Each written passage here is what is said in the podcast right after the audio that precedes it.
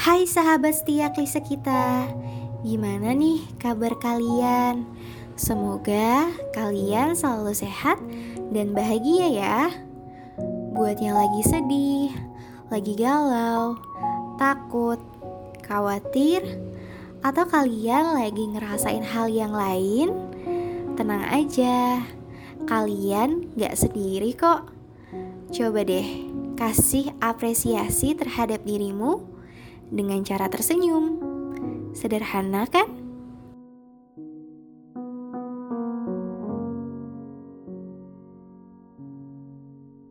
Sorry ya teman-teman, klise kita baru update lagi nih untuk ngisi podcast Karena memang beberapa bulan belakangan ini Aku bener-bener lagi susah banget buat bagi waktunya tapi insya Allah mudah-mudahan gak ngilangin rasa penasaran kalian ya.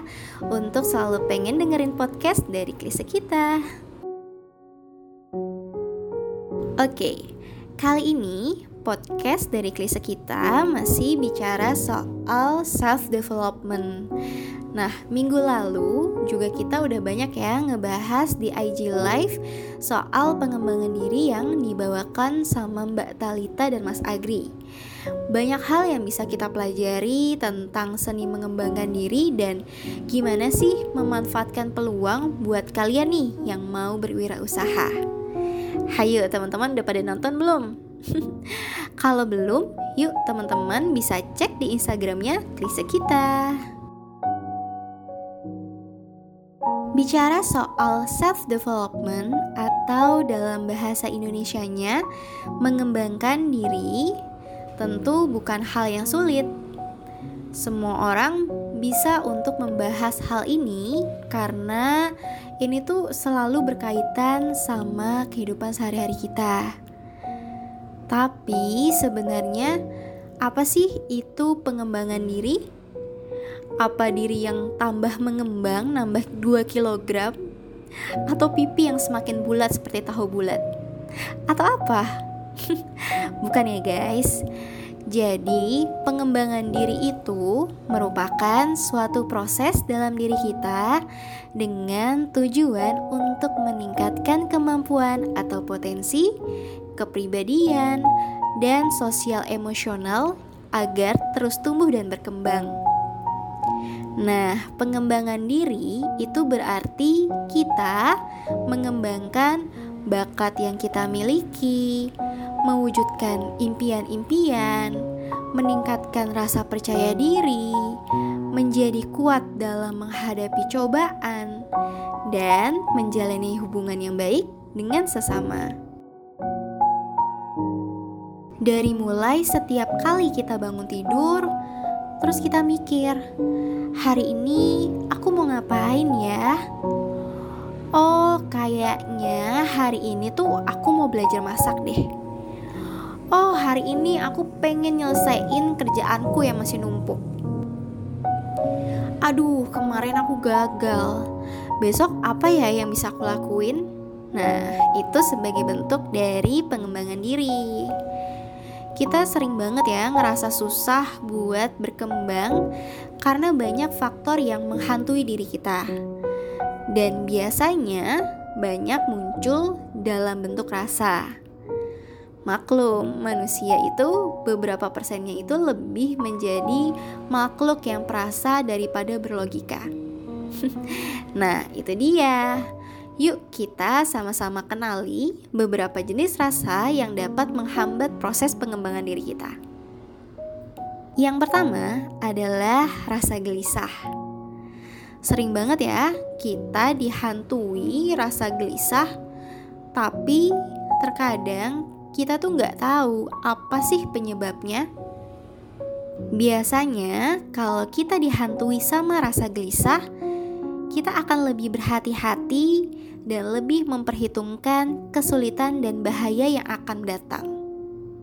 Contohnya nih, ketika kamu pengen belajar musik, terus tiba-tiba muncul rasa gelisah, tapi nggak tahu penyebabnya tuh apa, tiba-tiba datang aja gitu. Nah, kamu jadi nggak leluasa kan buat belajar, kayak nggak tenang, terus kamu bakal terus-terusan mikirin susahnya belajar musik tuh apa sih? Kayak kamu tuh udah deg-degan duluan. Terus gimana sih cara ngilanginnya? Ya kamu harus berlatih untuk terus percaya diri sama apa yang pengen kamu lakuin. Itu. Terus yang kedua itu ada rasa bersalah. Pernah gak sih kamu merasa bersalah terhadap sesuatu kayak susah banget buat hilangnya coba buat dimusnahin dengan berbagai cara terus kamu pendem tapi nggak hilang-hilang terus-terusan muncul. Contohnya gini kamu itu punya niatan pengen jadi pribadi yang lebih baik tapi kamu masih sering dihantui sama perasaan bersalahmu di masa lalu terhadap orang lain, atau bahkan rasa bersalah terhadap dirimu sendiri. Akhirnya, apa? Akhirnya, ya, hal itu pasti ngeganggu keseharianmu dan bisa jadi itu sebagai penghambat bagi hidupmu. Gimana sih kalau kita masih ada di posisi itu? Ya, simpelnya adalah kita wajib untuk meneliti hati kita sendiri. Kita memang harus peka terhadap perilaku bersalah yang pernah kita lakuin. Namun, jangan menjadikannya keliru, karena dampaknya akan mengganggu dan menghambat proses kehidupanmu selanjutnya. Kamu bilang sama diri kamu sendiri, "Oke, aku sadar kalau aku salah." Lalu, kamu minta maaf terhadap orang yang pernah kamu lukai. Jika memang itu dirimu sendiri, kamu juga harus bisa meminta maaf dan memaafkan dirimu. Lalu, kembalilah untuk melanjutkan kehidupan selanjutnya dan berjanji pada dirimu dengan tidak mengulangi kesalahan tersebut. Ketiga adalah rasa malu. Orang-orang yang mempunyai rasa malu itu jiwanya seperti terbelah. Mereka mempunyai semangat tinggi sekaligus rendah. Contohnya kayak gini. Kamu mau belajar musik nih. Terus kamu datang ke studio musik. Kamu udah bawa peralatan musikmu, misalnya kamu bawa gitar lah Terus pas kamu disuruh sama pelatihnya untuk tampil di pentas musik, ya kamu nolak karena kamu ngerasa malu. Ya malu aja.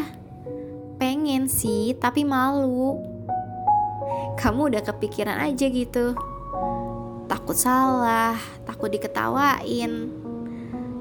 Nah, terus gimana sih cara ngilangin rasa malu ini? Ya pede aja. Lagian salah pun gak apa-apa. Karena hidup itu tempatmu salah. Tapi perasaan malu ini bisa dihilangkan kok dengan cara berlatih. Yang penting kamu berani aja dulu. Lalu yang keempat ada rasa takut. Nah, rasa takut ini itu merupakan bagian dari pengalaman hidup kita. Bener nggak? Kita itu semua punya rasa takut. Meskipun sebab, intensitas, dan alasan itu nggak sama setiap orang. Orang-orang yang menjadi korban dari rasa takut akan terdorong untuk segera menghapuskan gangguan hidup mereka karena mereka tuh sadar akan akibat dari rasa takut yang dideritanya. Kayak misalnya gini, aduh umurku udah 23 tahun nih. Masa aku gini-gini aja sih? Kalau aku nggak kerja aku tuh nggak akan punya penghasilan. Aku nggak bisa bahagiain orang tua aku. Aku nggak bisa mencukupi kebutuhan hidupku. Nah akhirnya dari rasa takut itu biasanya kita terdorong untuk melakukan sesuatu kan? Atau ketika kamu mau mengembangkan dirimu kamu pengen berbisnis, eh kamu udah takut kalau nanti bisnis yang mau kamu jalanin itu bangkrut. Ya, bukannya untung tapi malah muntung. Kalau kamu bisa menghandle rasa takutmu, kamu bakal pasang strategi nih. Gimana sih caranya supaya bisnis yang aku jalanin itu bisa berkembang? Kamu bakal lebih berhati-hati pastinya. Yang kelima itu ada rasa super. Rasa super dalam hal ini bisa menjadi penyakit hati kamu menjadi orang yang angkuh, melebih-lebihkan sesuatu, merasa diri menjadi orang yang paling hebat, terus-terusan pamer gitu ya. Terus kamu berusaha untuk bisa dibilang sama orang-orang tuh, "Oh, kamu hebat." Padahal orang hebat itu tidak pernah mengatakan bahwa dirinya hebat. Hanya orang lain yang bisa menilai diri kita hebat. Lalu, gimana sih cara menghilangkan rasa super ini apabila sudah mendarah daging dalam diri kita? Satu hal yang bisa mengobati adalah dengan cara introspeksi. Tanyakan pada diri, kira-kira apa aja sih hal-hal yang selama ini kamu lakukan? Yang kamu lakukan itu udah cukup udah sesuai atau belum sih? Lalu effortmu tuh seperti apa? Kamu boleh mengatakan kepada dirimu sendiri dalam hati bahwa Selamat ya diriku, kamu berhasil menjadi diri yang hebat karena kamu sangat kuat dalam menjalani hidup. Jangan kamu berharap suatu feedback dari orang lain supaya kamu dianggap hebat, tapi biarkan mereka memberikan penilaiannya sendiri. Lalu, yang keenam adalah rasa minder. Ada beberapa sebab yang membuat orang itu menjadi minder. Sebenarnya, ini tuh agak mirip ya sama rasa malu. Tapi kalau rasa malu itu kan kayak kita tuh udah yakin ada semangatnya, tapi cuma malu aja. Nah, kalau rasa minder di sini itu kita ngerasa lebih rendah dibandingin orang lain. Kayak uh, sering banget kan kalau kita tuh mau melakukan sesuatu tapi tuh malu sama diri kita sendiri. Ngelihat orang kok kayaknya mereka tuh lebih hebat-hebat deh. Akhirnya memandang diri sendiri tuh menjadi sosok yang rendah. Dalam hati pengen banget, tapi nggak yakin sama apa yang kita punya hidup yang dihantui oleh rasa minder ya tentunya aja hidupnya jadi nggak bahagia. Orang-orang yang dihinggapi rasa minder ini sedikit demi sedikit dapat sembuh dengan memulai usaha mengenal diri sendiri dan menerimanya dengan tenang. Kita tuh harusnya yakin gitu ya, kalau setiap manusia itu diciptakan unik, berbeda-beda, nggak ada yang sama kamu harus bangun personal branding dalam diri kamu sendiri. Misalnya gini, kamu ngeliat ada orang yang jago banget bahasa Inggris. Terus pas kamu ngelamar kerja, kamu minder. Akhirnya gak kamu lanjutin. Terus kamu gak usaha lagi.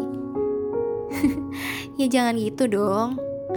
Pilihan kamu tuh cuma ada dua kalau kamu masih mau mendapatkan apa yang kamu pengen, dalam hal ini kamu pengen keterima kerja gitu misalkan di posisi yang kamu mau. Nah, berarti kamu itu harus punya effort yang lebih. Oh, kalau dia jago bahasa Inggris, berarti aku harus belajar bahasa Inggris nih biar aku bisa diterima di posisi ini. Atau kalau kamu sadar akan potensimu, dan kembangkanlah sesuai apa yang kamu punya. Bangun personal brandingmu. Kamu tuh mau dikenal sebagai apa? Sebagai siapa? Nah, kayak gitu. Yang terakhir adalah rasa frustasi. Rasa frustasi hidup ini sering banget diibaratkan sebagai sebuah perjalanan Perjalanan hidup seseorang itu pastinya berbeda-beda ya, nggak selalu mudah. Jadi nggak heran kalau kita mengalami saat-saat gagal, tidak berhasil, mau ngegapai sesuatu itu kita nggak kesampaian. Akhirnya banyak orang yang merasa putus asa dan sungkan buat berusaha lagi. Makanya di saat kita menjalani kehidupan, kita itu butuh yang namanya social support. Orang-orang yang bisa nguatin diri kita seperti keluarga, pasangan, sahabat, teman, supaya ketika kita berada dalam keadaan frustasi, kita tuh punya tempat untuk mengadu dan berkeluh kesah. Banyak hal yang bisa kita dapatkan juga dari orang-orang terdekat kita.